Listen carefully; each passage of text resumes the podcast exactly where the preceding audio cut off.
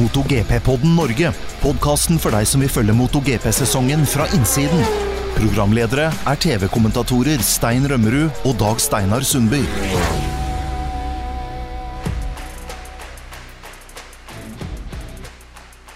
Hei, MotoGP-fans. Hjertelig velkommen til sjette episode i MotoGP-podden Norge. Jeg heter Stein Rømmerud, og i dag har jeg med meg min grisekjørende kommentatorkollega fra MotoGP-sendingene på Viaplay og V-Sport3, nemlig Dag Steinar Sundby. Hei igjen, Dag Steinar.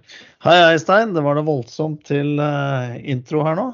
Ja, Du har jo vært og grisekjørt på Våler i dag med motorsykkel, så da passa ja. det veldig bra, det syns jeg, da. Ja, jeg har vært med der og vært litt instruktør for uh, førerutvikling.no. Ja, men det er bra, så du får holdt eh, kompetansenivået høyt på norske motorsyklister. Er formen bra ellers?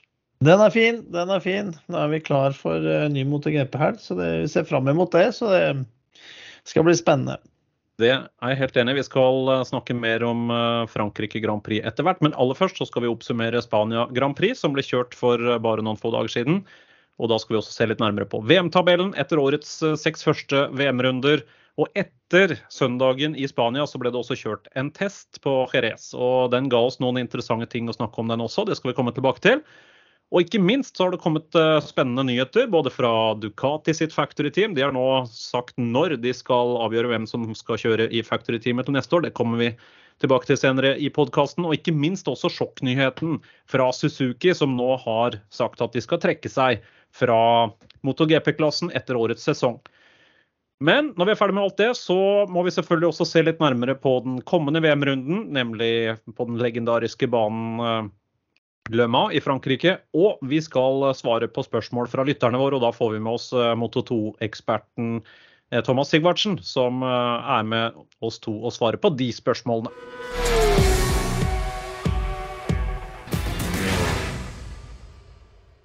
Spania Grand Prix ble kjørt 1. mai-helgen. Det var VM-runde nummer seks i årets mesterskap, og endelig satt det for Ducati og Pecco Bagnaia. Han vant fra pole og tok sin femte seier i MotoGP, og den første siden Valencia i fjor.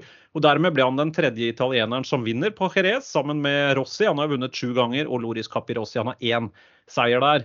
Og Bagnaya han er den femte forskjellige vinneren siden åpningsracet i Qatar. Og det er også fem forskjellige vinnere i de seks innledende MotoGP-løpene i 2020. Så det er historiske resultater. Det er bare de to årene det har skjedd. Med Fabio Quartararo, Brad Binder, Andrea Dovizioso, Miguel Oliveira og Franco Morbidelli som vant de første løpene i 2020-sesongen. Så vi får se, da. Det kan bli historiske resultater. Veldig jevnt i hvert fall i årets eh, mesterskap. Men Bagnaya han ble den første føreren i årets mesterskap som både setter pole position, løpets raskeste rundetid og leder løpet over mållinja på hver eneste runde før han til slutt vant løpet. Eh, han har gjort det en gang før, akkurat det samme, og det var på Algarve Grand Prix.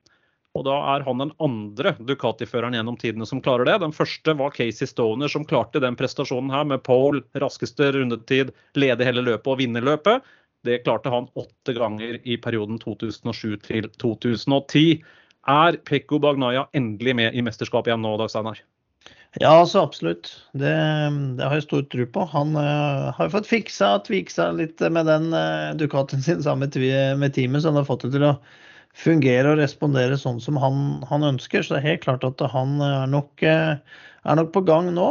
Og um, særlig da også på, på Jerez, hvor Quartararo normalt er så sterk og så rask. Men han, ja, fikk liksom ikke komme nære nok til å, å prøvd seg på noen forbikjøringer. Jeg tror kanskje han tenkte at risikoen var litt for stor i forhold til det tempoet de kjørte på. Da. For det jo, gikk jo enormt fort.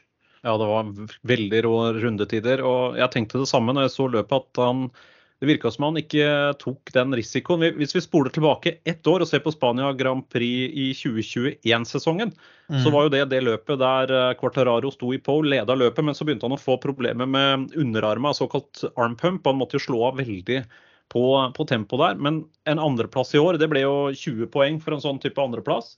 Uh, og i fjor da, så endte han jo på 13., det var jo bare tre VM-poeng. Så mm. stor forskjell på det. Ta 20 poeng på en andreplass uh, og tre poeng på en 13.-plass. Uh, eh, det er jo en forskjell på, på, 17 poeng. Så han kom jo mye bedre ut av Spania Grand Prix i år enn han gjorde i fjor.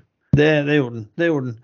Så Ja, men jeg vet ikke helt om han likte det, det han så i år. Da.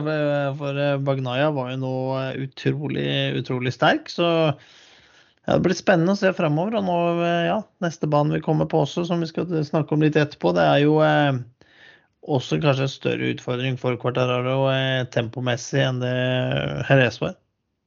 Og på tredje så endte jo Aleix Espargaro med Aprilian, og det er jo faktisk hans eh, femte pallplass i MotoGP og den tredje pallplassen av så langt denne sesongen. Og ikke bare det, den tredjeplassen den gjør jo faktisk nå at Aprilia har eh, mista de fordelene de hadde. fordi det er jo litt sånn nybegynnerfordeler i denne klassen som gjør at hvis man ikke har så mange første, andre og tredjeplasser, så får man teste litt mer, og, eller frie tester faktisk, og man har flere motorer tilgjengelig. Men nå er det slutt på det for Aprilia. For med den pallplassen så er de oppe i seks såkalte concession points på de siste to åra, og da er de likestilt med de fem andre produsentene i klassen. Ja, det stemmer jo. Så nå er de jo eh, Da fra ni motorer så er det nå på seks, er det ikke det? Som det er eh, for én eh, sesong. Så, eh, og som du sier, ikke minst det at de har eh, mindre mulighet til å teste. De må også nå dedikere hvilke baner de skal teste på. I forhold sånn som det har vært nå, så kan de jo ha testa på de banene de har ønska. Og nå er det jo veldig begrensa hvor mange tester som er igjen av de offisielle Dorna-testene i år. Det ble kjørt som sagt én test etter eh, Jerez, og så er det jo én test til. da, Det er etter Catalonia. Og da er det jo slutt. Så da er det ikke noe mm. mer tester i årets sesong før det er vintertester foran 2023. Så nå blir det litt tøffere for Aprilia fremover. Men det, eh, men det er jo et tegn på at de har gjort jobben, da. Ja, absolutt. De har gjort en kjempejobb. og ja, jeg syns også Aleish Spargaro endelig får betalt for all den jobben han har lagt ned og vært en stayer for, eh, for Aprila. Vi har sett gjennom sesongene som har vært, og så er det ennå ikke noe, noen av teamkollegaene hans som har utfordret han på den posisjonen og, og resultatmessig. Og når, eh, vi trodde jo det skulle bli litt annerledes når Vinales eh, kom inn der, for vi veit jo kapasitet han kan ha, men det ja, det virker som at det lar vente på seg, altså. Så vi får bare håpe at uh, Vinales finner tilbake til uh, mer stabil, god form, som vi har sett han har hatt til tider, selv om det har vært uh, veldig ustabilt de siste åra. Så Bagnaya vant løpet 0,28 foran Quartararo, og deretter var det en kjempeluke ned til Aleix Espargaro. Han var nesten 11 sekunder bak Bagnaya ved målstreken. Han ble nummer tre. Og så er det jo litt oppløftende for Mark Marquez. Han uh, tok en fjerdeplass, og han sa med de forholdene som var der og den formen han er i nå, så var det det beste han absolutt klarte. Og han var 12,6 sekunder bak Peko Bagnaya. Og Marquez hadde jo også en, uh, en god gammeldags Marquez save i siste sving der midtveis i løpet, Dag Steinar. Ja, han hadde jo det. Jeg vil jo si han hadde to uh, Marquez-klassikere under racet. Den første, som du sier da, når han når det omtrent så å si gikk over ende da det sladda både foran og bak og redda han på albuen og hofta, kne og det som var i, i sving 13 der. Og så i tillegg når han eh, fighta da eh, i løpet av den, siste, den eh, neste runden der hvor han kom litt dypt inn og så han bare fyra på og spant sykkelen ut for å få rett linje inn igjen og, og beholde sporet sitt. Da. Det, det er jo er helt fantastisk å se på. Det gjør jo at han tok med seg eh, noen viktige poeng, da, men den fjerdeplassen det er 13 poeng som han tar med seg fra Jerez. Men i VM-tabellen nå så er det Fabio Cortararo som leder. Han eh, tok jo andreplassen i Spania. Det er 20 poeng, det. Det gjør at han nå har 89 eh, totalt. og på andreplass har Leiche Spargaro med Aprilian 82, så det skiller bare sju poeng nå mellom de to i toppen. Så er det en liten luke ned til Enea Bastianini som har 69. Det er like mange som Alex Rins på fjerde. Og på femte har vi Pekko Bagnaya med 56. Vi begynner vel å se konturene av et mesterskap her nå, Dagsteinar. Vi er ferdig med seks løp etter Frankrike. Da har vi kjørt sju. Det betyr en tredel av sesongen. Og det begynner jo å krystallisere seg noen, noen sterke førere her nå. Quartararo ser ut til å være jevn i år. og Kanskje årets aller største overraskelse er Aleish Espargaro på Aprilian. Han er altså bare sju poeng bak og nummer to i mesterskapet. Hvem hadde trodd det? Ja, jeg hadde ikke trodd det. Eh, sånn, og eh, Det blir spennende å se framover om han klarer å holde trøkket gjennom en så lang sesong. Og som du sier nå, når de mister da det, det er null eh, Det er ikke noe mer concession point. og det er, må tilbake til Eller nå begynne som de andre fabrikantene. Eh, hvordan det vil utvikle seg videre. Og så eh, Ja, litt pressmessig også for Aleish. Han har ikke vært i den eh, situasjonen der før, han heller. Og det, jo mer gode resultater du har, jo mer forventes det av deg. Det, sånn er det hele tida. Vi ser nå Bastianini begynner kanskje å liksom ha hatt litt eh, det trått nå, da, fra å um, vinne i USA, og så ble nullpoenger i, i Portugal, og nå en åttende. Så eh, selv om også Quartararo har hatt en åttendeplass tidligere i år, så det er jo ikke det. Han har også hatt niende, faktisk. Ja, så Noen sånne dipper må man jo regne med å ha ja. i, i, løpet av en sesong. Men uh, jeg er enig, det var litt skuffende der av, eh, av Bastianini. Men desto mer gledelig for Factory Ducati-teamet, som fikk Pekko Bagnaia først over målstreken. Og vi så jo de feira jo det enormt, særlig ja. Davide Tardozzi, som er veldig involvert i, i årets uh, racer, selvfølgelig. 2022-versjonen av uh, Ducatis uh, MotoGP-racer. Den er jo den har jo ikke prestert helt på topp eh, gjennom hele sesongen i år, men det ser ut som de har begynt å finne det setup-vinduet som fungerer bra. Og han har også fått det til å løsne litt nå. Blir, blir interessant nå å se hvor sterk han blir på de kommende banene. Ja, det blir, eh, det blir veldig sterkt. Både han og Jack Miller. For Jack Miller var jo med og fighta også nå om pallplassen eh, på Jerez. Men uh, tapte jo da mot uh, Aleix og eh, Espargaro og Mark Marquez. Så det blei eh, Men det var jo veldig, veldig jevnt. Jeg tror nok Aleix hadde bedre tempo. Hadde han klart å komme seg forbi før, så tror jeg ikke han hadde vært de eh, kanskje 10-11 sekundene bak eh, Quartararo og Bagnaya som han var til slutt. Men eh, han også da må bli råere til å kjøre forbi. Skal han være med der oppe og, være en som kjemper mer om, om pallplasser, selv om det var imponerende, det, det han også gjorde på Jerez. Det er altså Spanias eh, Grand Prix, og det ble kjørt en eh, test på mandagen etter eh, den VM-runden. Vi skal ta en nærmere kikk på hvordan det gikk.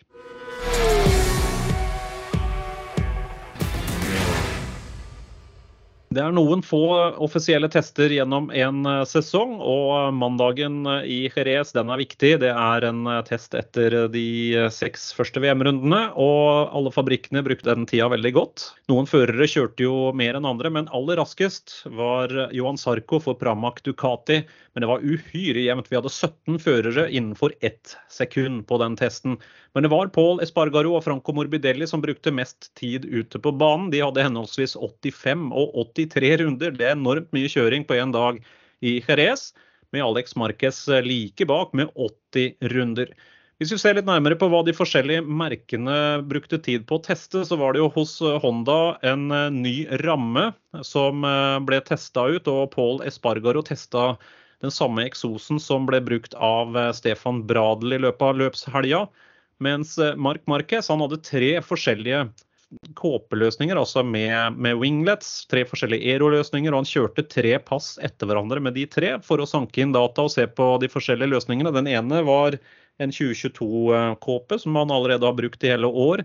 Den andre var 2021-kåpa, og så var det en prototype-kåpe som vi ikke har sett tidligere, med helt annen utforming av, eh, av vingene. Det ser ut som Honda satser mye på den aeroløsningen nå, eh, Dag Steinar. Ja, de prøver å jobbe veldig med det. da, Finne da forskjellige alternativer. og ja, De kjører jo med gjør det jo tre forskjellige og vil gå gjennom analyser på det, sektortider bl.a. Og eh, finne ut hvor det er å tjene og hvor generelt eh, de får best betalt. For rundetidene var jo ganske like, men det er jo også da veien, veien videre. Og, og treffe rett på neste steg da, som de skal homologere inn da i, eh, i systemet for, for sesongen. Ja, for det er lov til å bytte winglets, altså aerodynamiske løsninger, én gang i løpet av mm. sesongen per, per, merke. Hvis vi går til østerrikske KTM, så har jo de eh, en del utfordringer i øyeblikket. De viste jo en helt ny mm, eksosløsning. Det var en merkelig eh, konstruksjon, en design som så ut som eh, en, nesten som en svanehals, og med en, en, faktisk en omvendt trakk, så den smala av veldig på slutten. Kunne nesten se ut som en totaktspotte. Mm. Ehm, det skulle visstnok være for å teste dette med å få litt mer mottrykk i eksossystemet, også for å få litt annen effektkurve osv. Men Uh, det som ble uttalt av Brad Binder, sa han merka ikke så stor forskjell, men han, han syntes det var veldig kul lyd. Og det er også en viktig, viktig bieffekt. Ellers så så vi jo KTM også hadde eh, en ny Ero-løsning, så de testa litt forskjellig på KP-sida der. Hvis vi går til Yamaha, det var veldig interessant. Der så vi jo at de hadde en ny svingarm, og eh, der testa de forskjellige løsninger på det. Men aller viktigst, en ny forskjerm. Og den forskjermen skal visstnok da gi mye bedre kjøling, så den styrer mer kald luft rett mot eh, radiatoren. Tror ikke nødvendigvis at det er fordi de sliter så veldig mye med overoppheting akkurat nå, selv om de har jo sagt at det har vært vanskelig også, særlig når det ligger et helt løp som på søndagen i kjølvannet, altså rett bak Ducatien. Den produserer veldig mye varm luft, så det var som å kjøre i en ovn, uttalte Fabio Quartararo der han lå i slipstreamen bak Ducatien. Men for å få mer kjøling, Steinar, Yamaha har jo slitt litt med effekten i år. Og de har jo en mulighet nå til å gamble litt på å gå opp litt på maks turtall. Og det vil jo generere mer varme. Og skal du klare å håndtere det, så må du ha bedre kjøling. Og det blir jo spekulert i om den nye forskjermen og de nye eh, scoop-løsningene der for å få mer luft inn i radiatoren kan være for at Yamaha ønsker å prøve å tweake opp eh, turtallsperra litt og hente ut litt mer effekt. Ja, Vi har jo sett det tidligere også, at uh, tidligere sesonger, først noen år siden, da, hvor de, de eh, gjorde det samme, men de pusha litt for mye, kanskje. Så eh, det gikk jo et par motorer, for og da senka de igjen da, da turtallet for, å, for, at det skal ha mer ja, livslengde på motor. Da, for det er jo en krise hvis de blåser en motor, og da står de jo mer nakne. Vi husker jo da den hvordan de sleit med motorer. Kjørte dem eh, altfor lenge på kilometeren også etter de hadde den ventilsaken. Og eh, det gjorde at for å klare å komme seg gjennom sesongen, så måtte de da senke maksturtallet på sykla. Og det gikk jo dårligere den, den sesongen. Eh, nå prøver de å gå motsatt vei igjen og se om det er da om det holder. At de har De mener at de er sikre på rimelig sikre, kan vi si. At det, skal være mulig å få litt mer ut av Yaman. Og som du sier da, da, da vil jo varmeenergien også øke, og da med en bedre, bedre forskjerm, også da bedre kjøling, så at de har det litt mer under kontroll. For den, det, ofte, det genererer mer varme jo mer det pusher motorer. Og kan det også hende det er litt for å prøve å regulere og få eh, bedre kontroll over temperaturen i fordekket. For det er jo en sak vi hører om eh, Yama hver helg omtrent når de ligger etter, etter konkurrentene.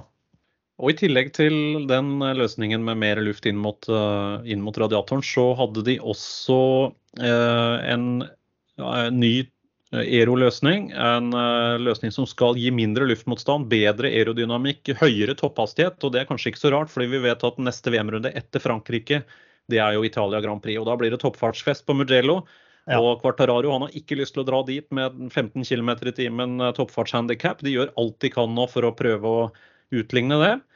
Vi får se da om det gjør den store forskjellen for dem, men eh, vi så de testa begge KP-typer. Eh, både den de bruker nå i 2022 og en ny prototype KP-type, som kanskje de vil homologisere før Italia Grand Prix. I så fall så kanskje Quartararo får de kilometerne i timen han ønsker seg. Ja, og det er jo ut på langsida Mugello så er det jo en lang, lang venstresving. Så de er jo ikke stopp og gå. De drar med seg mye hastighet ut der sånn, og det er ikke den eh, Der er det ikke den verste bakhjulstrøkket at sykla vil opp på, på, bakhjulet der. Det mm, trenger ikke så mye elektronikk for å holde det nede. Og vi vet jo det med en annen Ero, så, som de da satser på høyere toppfart, så får vi, de får også mindre downforce eh, på, på hjulet. Det, de får ikke begge deler. Og når du får mer fart, så må du også ha mer bremser. Så de testa òg Brembos 355 mm skiver. Det har vi ikke sett på Yamahan eh, tidligere, i hvert fall ikke på Quartararo sin. Så han testa det. Det fungerte visstnok veldig bra, for det har jo da Brembo tatt ut i år som en mulighet for, eh, for førerne. Den største skiva inntil i fjor var jo 340 mm, men nå er det altså 355 mm diameter som er de største forbremsskivene.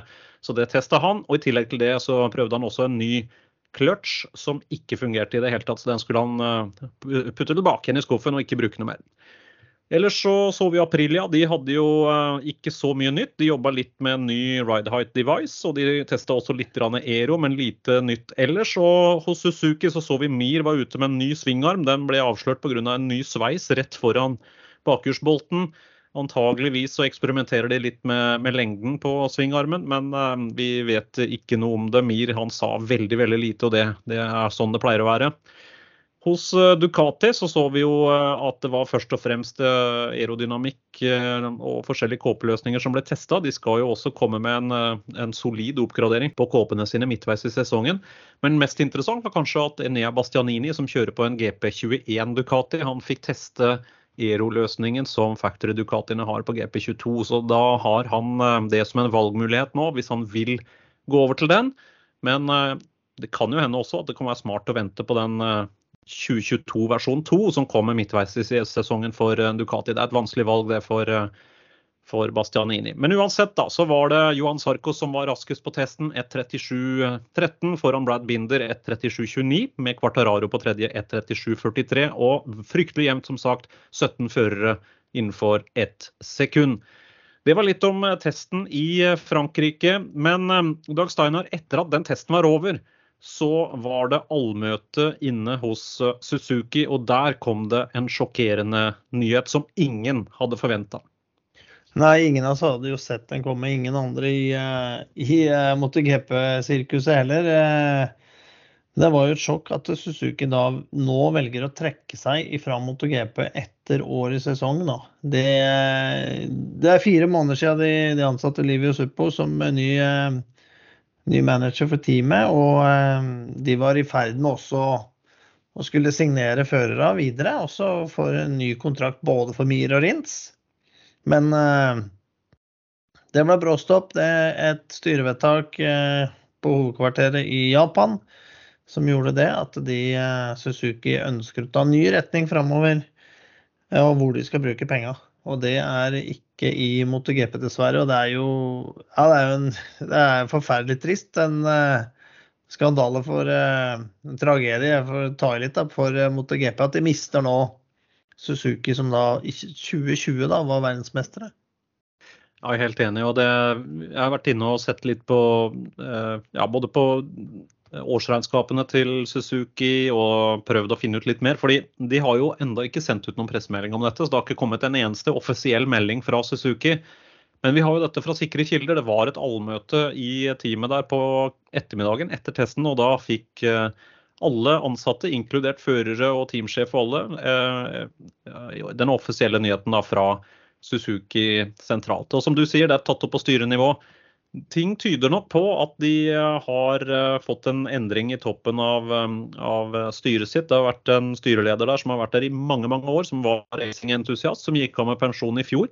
Så nå er det en, et styre som kanskje er litt mer fokusert på en annen fremtidsstrategi. Vi vet også at de har tatt en styrebeslutning om å investere tungt i en batterifabrikk i India. Så ting tyder vel på at de skal over på mer fossilfri transport og kanskje mer moderne løsninger uten bruk av um, fossile drivstoff og kanskje mer fornybare kilder. Det gjør vel da kanskje at uh, man har tenkt at MotoGP ikke passer inn i den fremtidsstrategien. Uansett, det er fryktelig synd. Nå har de jo en racer som fungerer bedre enn noensinne. og De har to sterke førere med. De har Johan Mir på en tredjeplass i mesterskapet, og de har um, Nei, unnskyld, Rins på en fjerdeplass i mesterskapet og Mir på en sjette. Så de uh, ligger jo veldig bra to mann innenfor topp seks, og har uh, kjørt kjempebra i årets mesterskap. Så dette er synd, men uh, dessverre så tror jeg den beslutningen her er tatt. Det er jo ikke første gangen at Suzuki trekker seg, de har gjort det før også. Ja, det, det har de jo. De har, har, jo vært inne og gått ut litt sånn i perioder, men det blir vanskelig eventuelt for Suzuki å komme inn igjen nå. Hvis vi drar litt på hva som kommer til å skje, så er det vel antageligvis høyst sannsynlig at det, de plassene til Suzuki, det er det et satellitteam fra Aprilia som, eh, som, vil benytte seg av i en eller annen form. Det vet vi jo ikke ennå, men det er det som det sies at det er eh, størst sannsynlighet for. da. Det kan komme noen, eh, noen, spennende rokader nå. Et uh, interessant rykte som går, og som det ikke er noen offisielle bekreftelser på enda, det er at uh, det er uh, seriøse samtaler mellom Valentino Rossi, VR46-teamet og Yamaha for å overta satellitt-Yamaha-status. Ta over den fra Raslan Rasali, som kjører RNF Yamaha i øyeblikket. Og at det RNF-teamet da eventuelt kan bli et Aprilia satellitteam eh, til neste år. Og dermed også at uh, Ducati får to færre sykler på startplata til neste år. Det, det, kan skje, men vi får komme tilbake til det. Det er uh, Dette er masse rykter som går, men det kanskje enda mer interessant er jo hvor eh, de to Suzuki-førerne havner. Det har jo vært uh, flere rykter om det. vi så Joan Mir har blitt kobla mot Repsol Honda. Vi vet det har vært samtaler der. hvor mye hold tror du det er i de ryktene, og hvor bra tror du Mir passer inn hos Repsol Honda? Um, ja, da, verdens, da vil de få to verdensmestere i, eh, i Repsol, eh, MotoGP-verdensmestere i Repsol-teamet. Eh, ja, det blir eh, Jeg tror det, det, er vanskelig å si, egentlig. For nå ja, Det blir jo tøft da for eh, Paul Espargaro å beholde plassen. og det, det er jo alltid noe, som regel noe i de ryktene når det har gått sånn, og at det, det passer jo med profilen til uh, til, eh, til Repsol også. Um, da med en ny spansk fører, som har også vært verdensmester. Og, og, det er jo litt sånn, eh, tenker nok litt annerledes nå også Repsol, i og med at de har sett at de er sårbare når eh, ja, uheldige omstendigheter hvor Marquez blir skada. Og eh, framtida hans ser jo ikke sånn ut nå som han gjorde for eh, to år siden. Da trodde vi jo at Marquez kom til å vinne 15 VM-titler.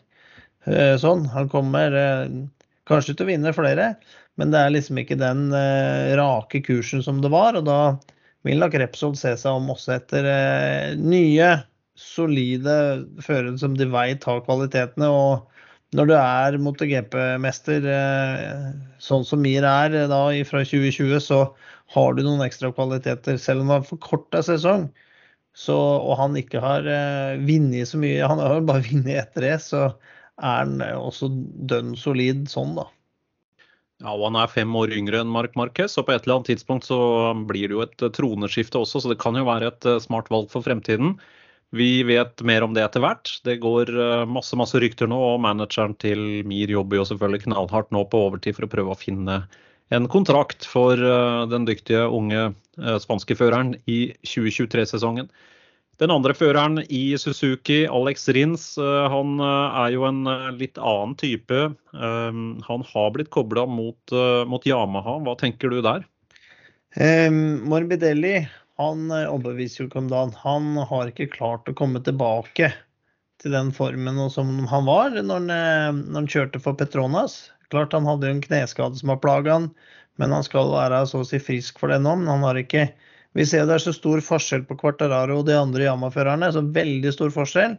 Og jeg hadde jo forventa at uh, Morbidelli var vesentlig nærmere uh, Quartararo da på uh, løpsresultater og løpstid, men han er jo alltid langt bak. og det hvis det ikke blir noe forbedring, så, så henger jo kontrakten, selv om han har kontrakt ut 2023, så veit vi at eh, det er ikke alltid de kontraktene er så mye verdt at det kan eh, være løst ved en eh, litt økonomisk kompensasjon. Så det kan hende, for Rins har jo vist veldig bra form, selv om han var helt off i plasseringsmessig på Jerez, så har vi jo sett han er sterk nå i år og, og får det til å fungere veldig bra. Det var det vi hadde tenkt å si fra testen på mandagen og litt om eh, nyhetene fra Suzuki. Men det har også kommet en liten nyhet fra Ducati, og det er ganske interessant. De skal jo nå bestemme seg hvordan neste års eh, teamsammensetting blir. Det er jo alt i alt i øyeblikket åtte Ducatier og fire forskjellige team.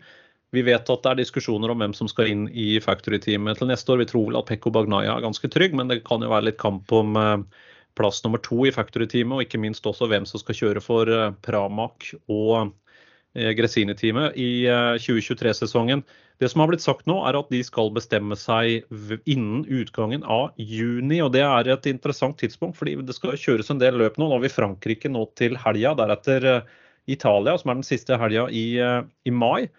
Og i juni så er det jo tre VM-runder med Catalonia, Tyskland og Assen. Etter det så får vi svaret. Så de legger jo litt press nå på førerne sine. De legger press på Martin, de legger press på Miller, de legger også press på Bastianini. Det er jo litt eh, holdt på å si shootout her nå.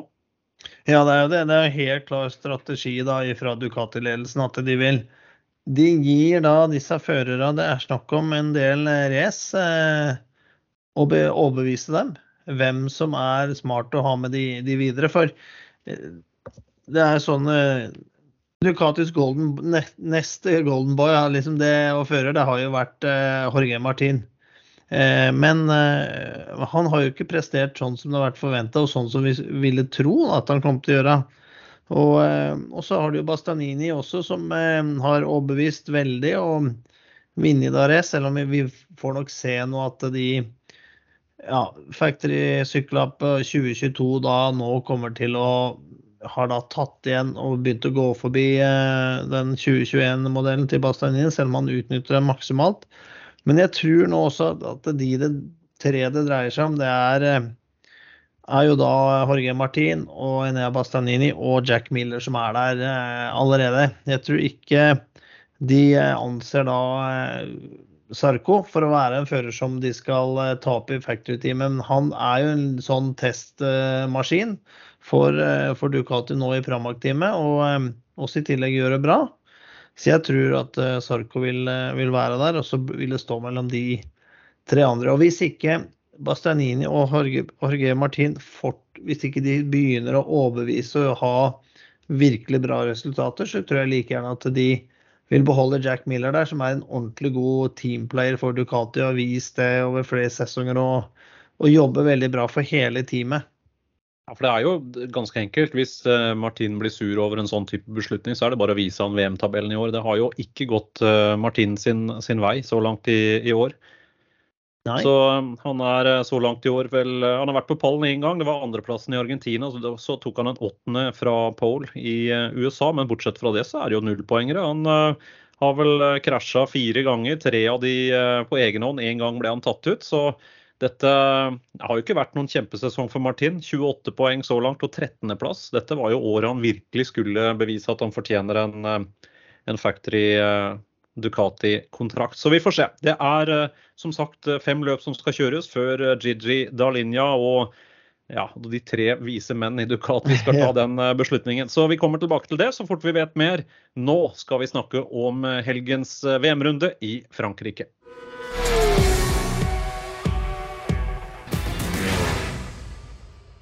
VM-runde nummer sju kjøres eh, til helgen. Det er eh, på den klassiske banen Le Mans i Frankrike. Den har jo vært vertskap for 34 Grand Prix eh, gjennom tidene. Og Le Mans ble jo faktisk første, første gang brukt i 1969. Den gangen var det Agostini som vant 500-klassen. Han tok igjen alle de andre førerne med minst én runde på sin MV Augusta. Det kommer nok neppe til å skje denne helga. Men det er altså 23. år på rad som Le Mans er vertskap for eh, Frankrike Grand Prix, for de kom tilbake på kalenderen i 2000. Og Det er en eh, spennende bane, dette. Det er en eh, helt annen type bane enn det vi har sett hittil i år. Mer start og, og stopp, egentlig. Og en slitsom teknisk bane. Den er på 4,2 km. Den er uh, høyresvingt, og her er det ni høyresvinger og fem venstresvinger. Lengste rettstrekket er faktisk under 700 meter. Dette er en skikkelig jobbebane, Dag Steinar? Ja, det er det. Den er jo um, er trikk i bane, egentlig sånn. Og uh, kjørt på den flere, flere ganger. Og, og, du har jo den monsterhøyren inn i enden av langsida der sånn, og, og, som går over i, gjennom Dunham-sjikana. Og, og, det er noen steder hvor doseringene er litt, ja, de er litt feil. Og, um, og vi har sett på, på Vått så har den tendens til å bli, bli ganske, ganske glatt. Eh, sånn. Eh, og været er jo skiftende på Le Mans. Nå eh, så vi de kjørte 24-timers der, og det var jo unikt nå at de hadde jo knallvær fra start til mål i et døgn der. Men hvis vi ser nå på værmeldingen for helga, så ser den jo bra ut fredag og lørdag. Og så er det eh, meldt regnbyger fra klokka to på, på, søndag, så det kan jo kaste alt opp igjen, sånn som vi har sett tidligere på, på Le Mans, da hvor eh, ja, man får alle årstidene på, i løpet av ett race. Men det er meldt eh, varmt også. Jeg så det skulle bli 27 grader på det varmeste på, på lørdag. Så det ser jo ut som det blir litt triveligere enn eh, en sist gang vi var der og kommenterte, i hvert fall. Ja. Um, men jeg har sett også på statistikken i MotoGP-klassen, også med firetakterne, De har jo kjørt der 20 eh, ganger. 11 av 20 løp som er kjørt på Le har vært på vått. Så mm. det er over 50 sjanse for wet race på søndagen her, hvis vi følger bare årsstatistikken. Så ja, det, vi Ja.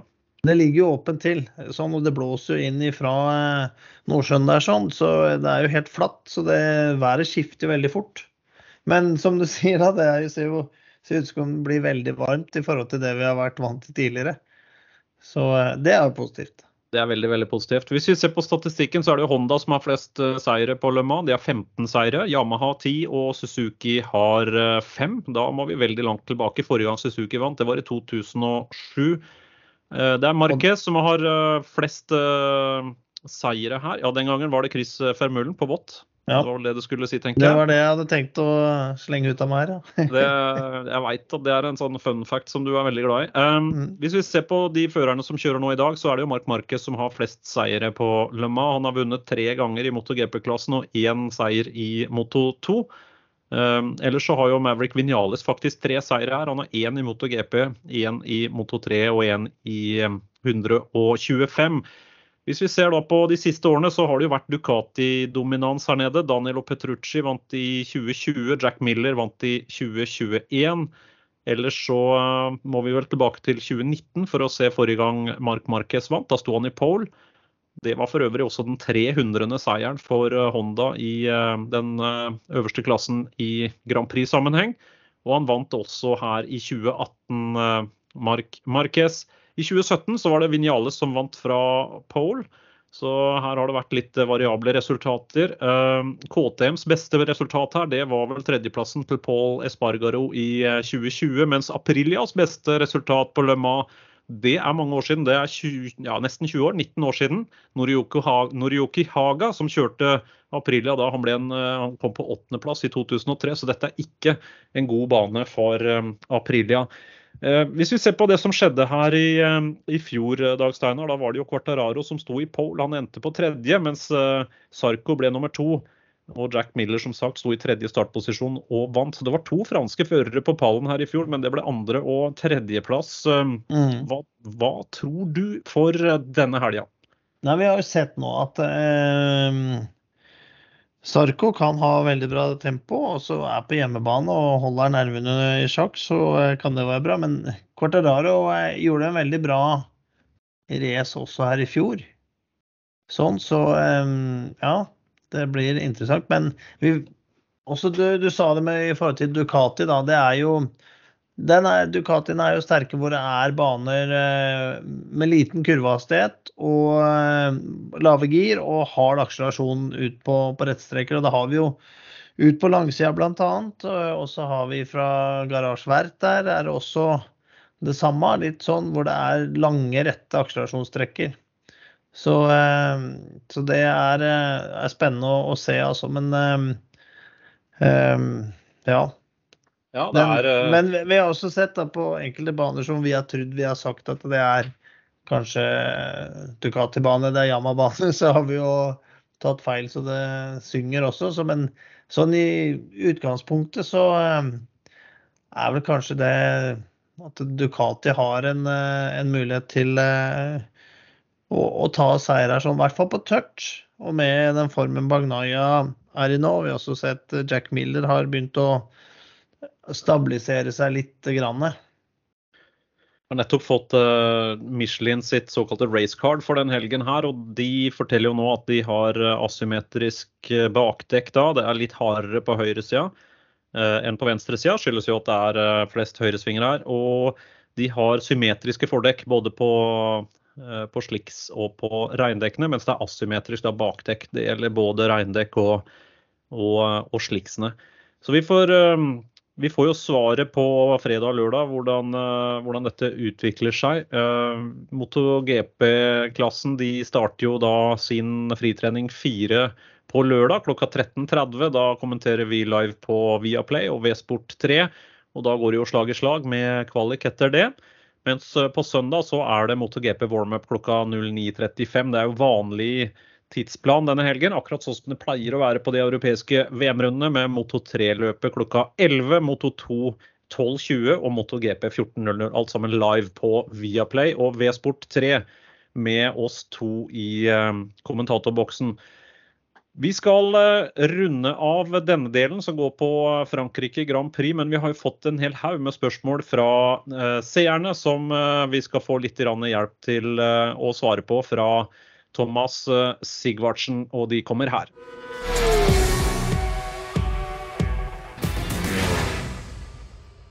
Det første spørsmålet vi har fått, Dag Steinar, det er et spørsmål om det som skjedde i Spania. For eh, det har jo vært litt eh, presseoppslag, bl.a. den eh, rutinerte engelske journalisten Matt Oaksley avslørte at det har vært rett og slett juksing med dekktrykket på flere av førerne. Hva dreier dette seg om?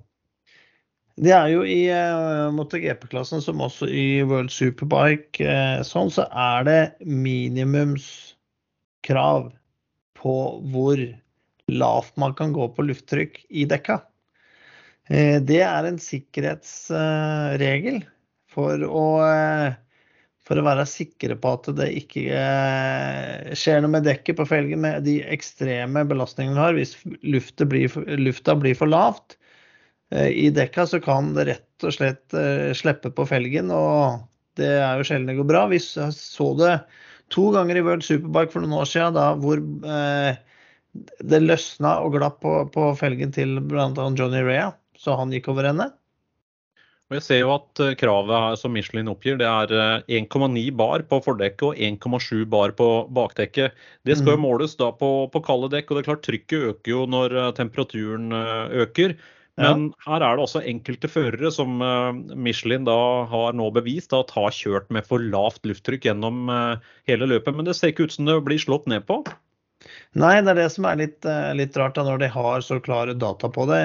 Jeg var ikke, faktisk ikke klar over at de, de kunne tracke det så bra som de har gjort. Da. Og da, og da, da har de liksom en tabell som Michelin gir ut om eh, dekket har, eh, dekket har vært over eller under det, det lovlige trykket. Men det virker ikke som at de har en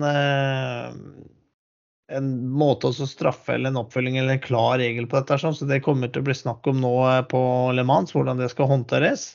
Det er jo eh, Det blir jo en prosess på det der. For det, det var jo sånn som Bagnaya hadde for lavt eh, lufttrykk i, i hele racet. Og så var det vel om det var Ja, vi så Dovi hadde for lite luft eh, der, men det er også De har også sånn at de kan eh, oppgi hvilke runder det har vært for lite og for mye luft da, i, i, dekka, så det begynner, bli, det begynner, å bli, ekstremt. Men det det er mot, er om er, de har for lite luft i dekka, at de prøver å utnytte det for å få en fordel med bedre grep. At uh, forhjulstrykket ikke øker for mye, og sånne ting. Da, at de prøver å kalibrere seg. Og det har vært internt i MotoGP-depotet så har team, eh, noen team begynte å se seg lei på det, så det til slutt ble en varsling på det.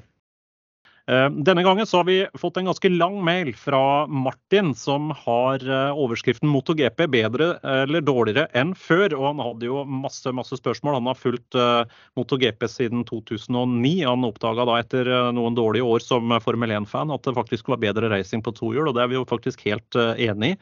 Men det han har bl.a. spurt om, er eh, testregler. Hvordan fungerer det? Eh, hvor mye kan factory-teamene teste? Og nye team har friere regime, og hva med private og satellitteam? Et virvar av, av, regler, sier han. Jeg, jeg, kan begynne, og så kan jo dere eventuelt kaste dere på. Men det har jo nettopp eh, kommet en regelendring, fordi nå vil man begrense antall testdager gjennom sesongen. Eh, fra og med 2023. og Årsaken til det er jo at det blir flere og flere VM-runder, så det begynner å bli eh, få ledige tider. Men det man gjør nå, er eh, å redusere antall testdager. Nå i år, i 2022, så er det 11 offisielle testdager. Det blir til 8 i 2022.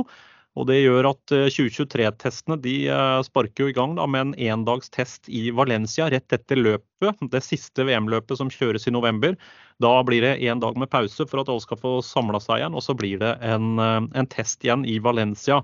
Det, I fjor så gjorde man jo ikke sånn. Da tok man en test i Jerez i stedet, men det ble veldig mye ekstraarbeid for teamene, for da måtte de pakke ned alt utstyret og dra til eh, Jerez. Så det braker igjen da, og så blir det jo eh, en tre dagers shakedown i Sepang etter det. Og så er det da på slutten av den presesongen så blir det en todagers test på Losail International Circuit foran den første VM-runden i Qatar.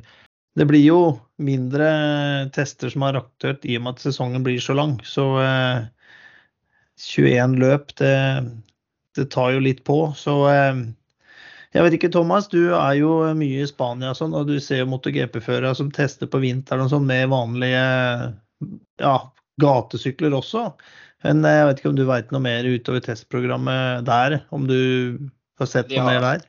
Nei, De har veldig strengt når det kommer til det å kjøre spesielt da på, på banene de skal kjøre løp på. Ehm, men de får jo lov å bruke Kjører jo da med en, ja, en gatestokk 1000 eh, kubikker. Og da får de egentlig bare lov å bytte fjæring og, og bremser. Eh, siste jeg hørte var at de ikke kunne bruke annen elektronikk engang eh, hvis de skulle på de samme banene. Så veldig strengt eh, med det testprogrammet. Og det har egentlig blitt strengere og strengere alle klasser hele veien ned. Eh, før var det mer du kunne kjøre på banene med nesten lik sykkel, spesielt i Moto 2 eh, og Moto 3, men nå, nå har det strammet seg inn overalt.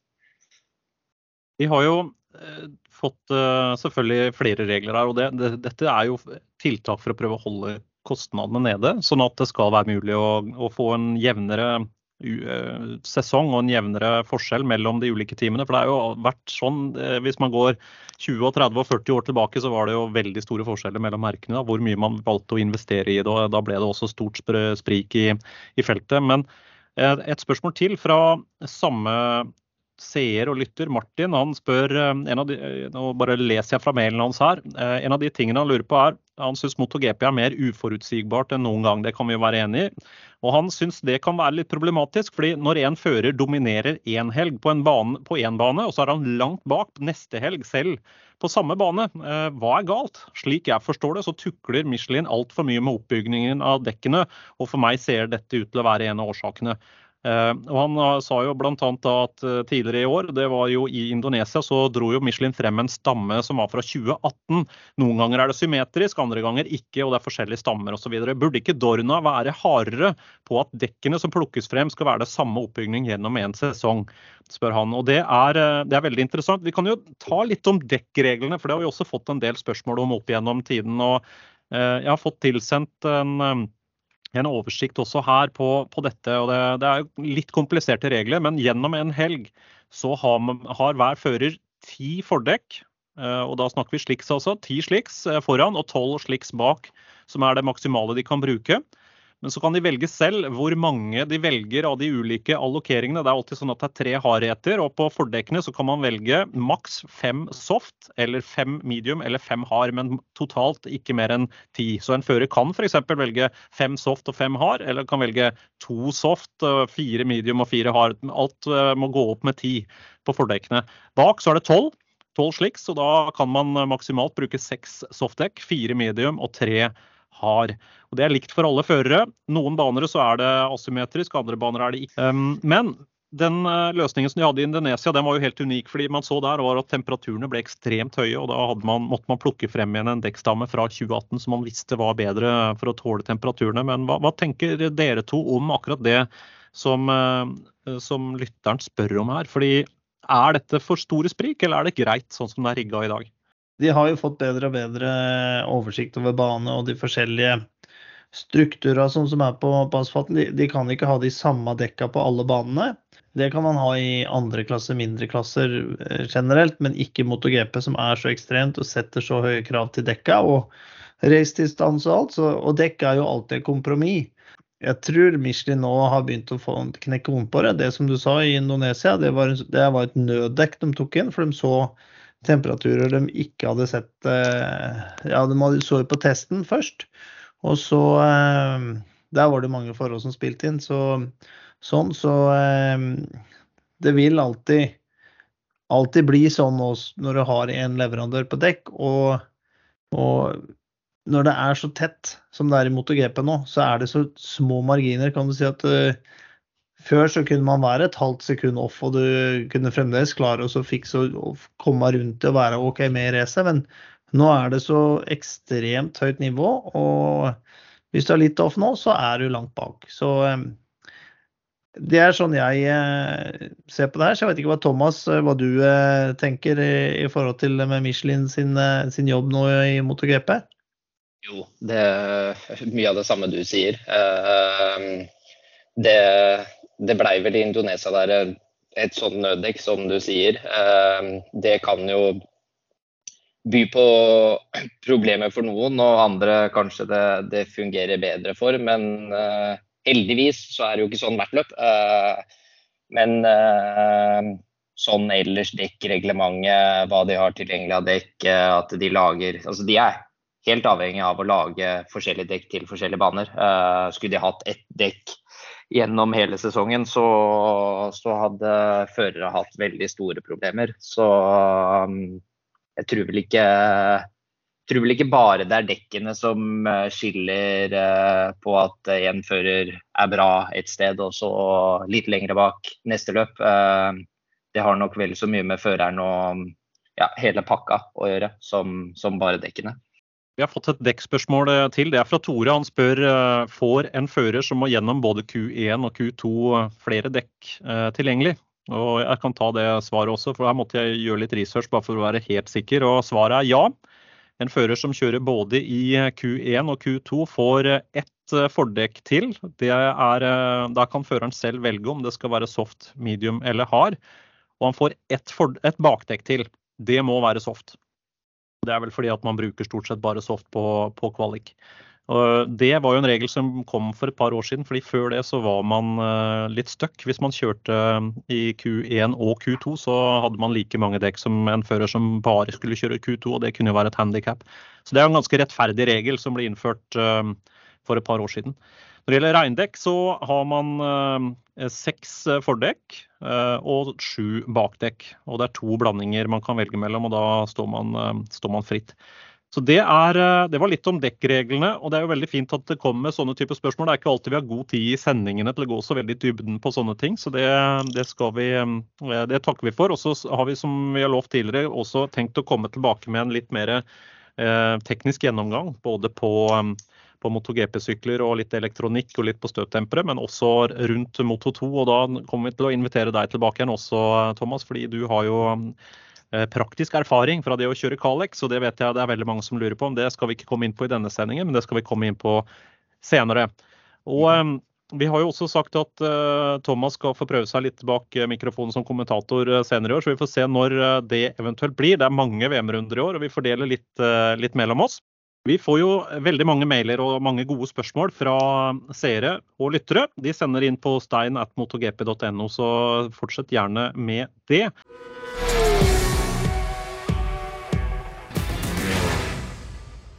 Det var det vi rakk av spørsmål for denne gangen. Send gjerne inn flere til stein at motorgp.no. Vi eh, tar gjerne imot både tekniske spørsmål og eventuelt spørsmål om førere og serie. Vi setter veldig pris på alle innspillene vi får. Vi leser alle sammen, og vi skal forsøke å svare på det også. Med det så skal vi takke for at du lytter på MotoGP-podden Norge. Vi blir jo selvfølgelig veldig glad om du abonnerer på podkasten vår, og enda gladere om du sender linken til podkasten til andre racingfans, enten du lytter på Spotify, på Apple Pods eller andre steder. Eh, lyttertallene de har begynt å ta seg opp skikkelig nå. Det syns vi er veldig gøy, men vi vil veldig gjerne ha flere lyttere. Og da, Dag Steinar, da gjenstår det vel bare å takke for denne gangen. Vi skal gjøre oss klar for ny racehelg, vi, fra Frankrike. Det skal vi, og vi er jo klare i, da, i eh, norske kommentatorboksen fra lørdag, som, eh, som alltid. Håper vi ses da på Viaplay og V-sport 3 på lørdag. Og i mellomtiden, takk for nå. Og som vi alltid pleier å si, kjør vakkert, men safe. Du har hørt MotoGP-podden Norge med programledere Stein Rømmerud og Dag Steinar Sundby.